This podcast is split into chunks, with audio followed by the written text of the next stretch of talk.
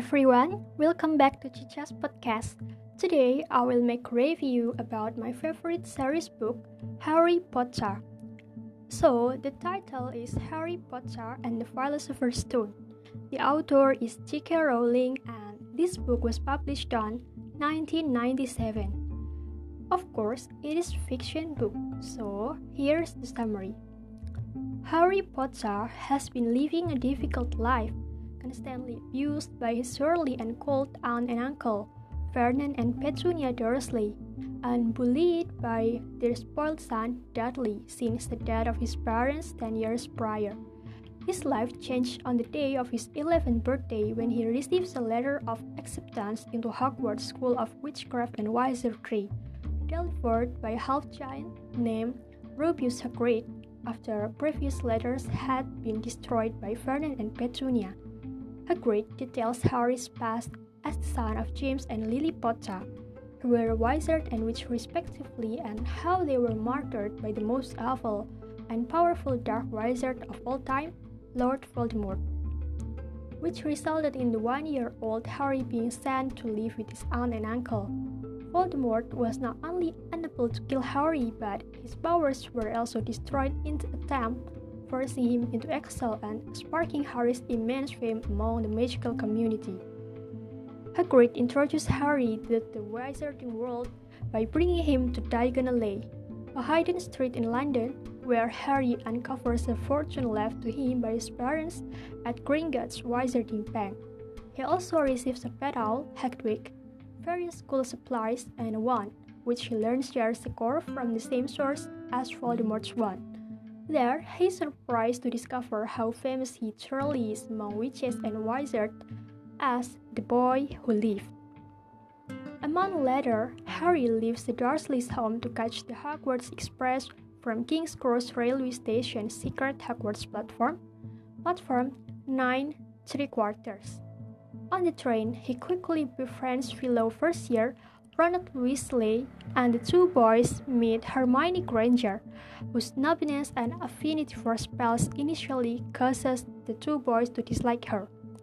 There, Harry also makes an enemy of yet another first year, Draco Malfoy, who shows prejudice against Ron for his family's financial difficulties. Arriving at Hogwarts, the first years are assigned by the magical sorting hat to houses that best suit their personalities the four houses being Gryffindor, Slytherin, Hufflepuff, and Ravenclaw.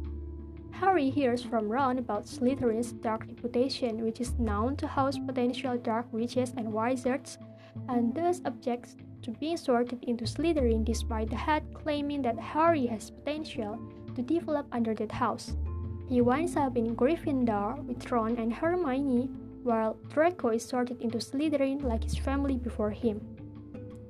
As classes begin at Hogwarts, Harry discovers he has talent for flying on broomsticks and is recruited into his house team for Quidditch as a seeker. He also comes to dislike the school's potions master, Severus Snape, who is also the head of Slytherin House, who acts with bias in favor of members of his house while perpetually looking for opportunities to fail Harry and his friends. Malfoy tricks Harry and Ron into a duel in the trophy room to get them out of their rooms at night and secretly tells Filch, the school's caretaker, where they will be. Hermione unintentionally is forced to come along after her failed attempts to stop them, and they find Gryffindor student Neville Longbottom asleep outside the common area because he had forgotten the password to get in. After realizing the duel was a setup to get them in trouble, they run away. They then discover a huge three-headed dog standing guard over a trapdoor in the forbidden corridor. The school's Halloween celebrations are interrupted by the entrance of a troll into the school, which enters the girls' bedroom where Hermione was. However, she is safe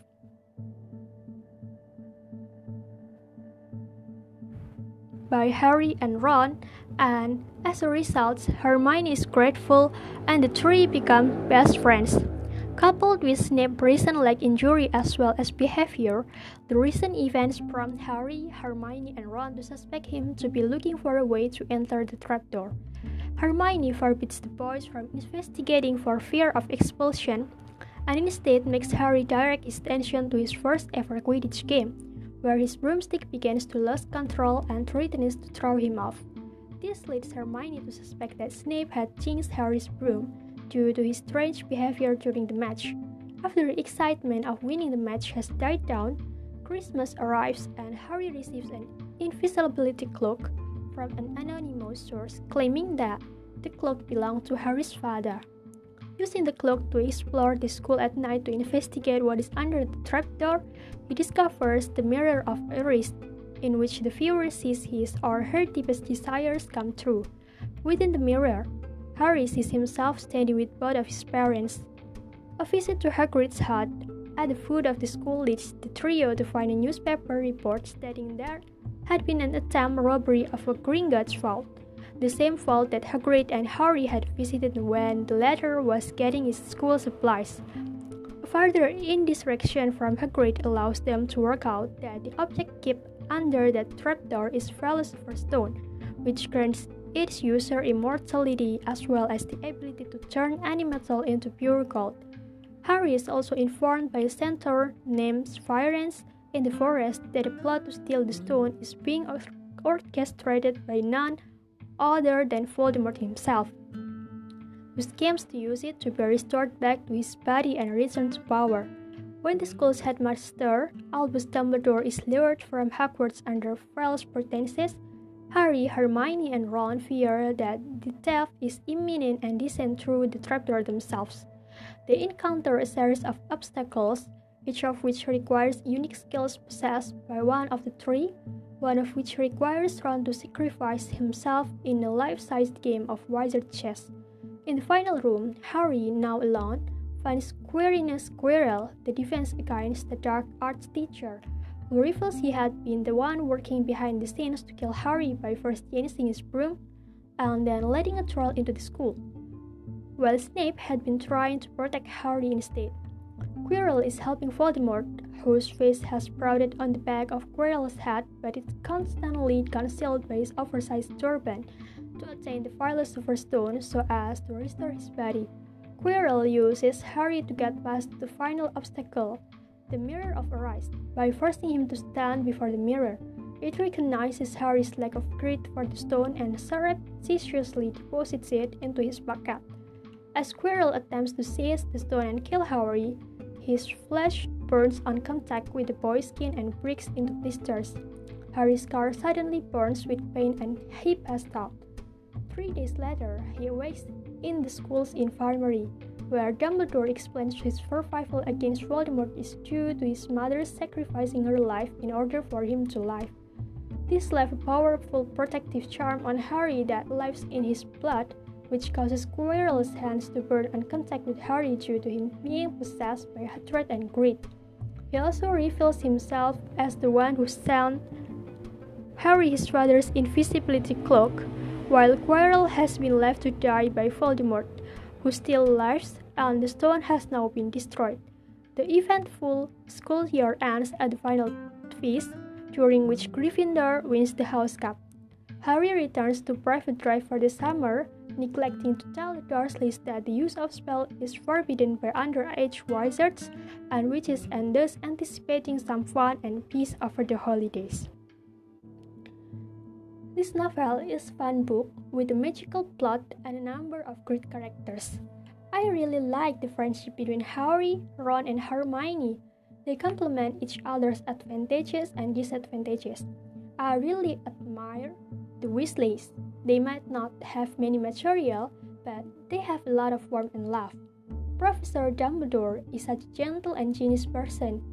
Professor McGonagall is extraordinary as very assertive but kind, motherly figure. Hagrid is one of the most extraordinary characters.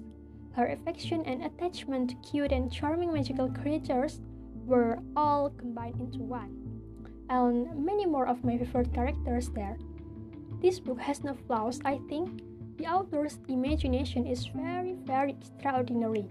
By reading the story, I feel so happy, sad, angry, and also very excited.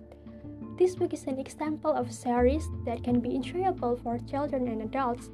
However, too many characters made me a little confused, but overall, Harry Potter is such a fantastic book. So it is recommended to be read by all of you. So that's all about my review, guys. Thank you.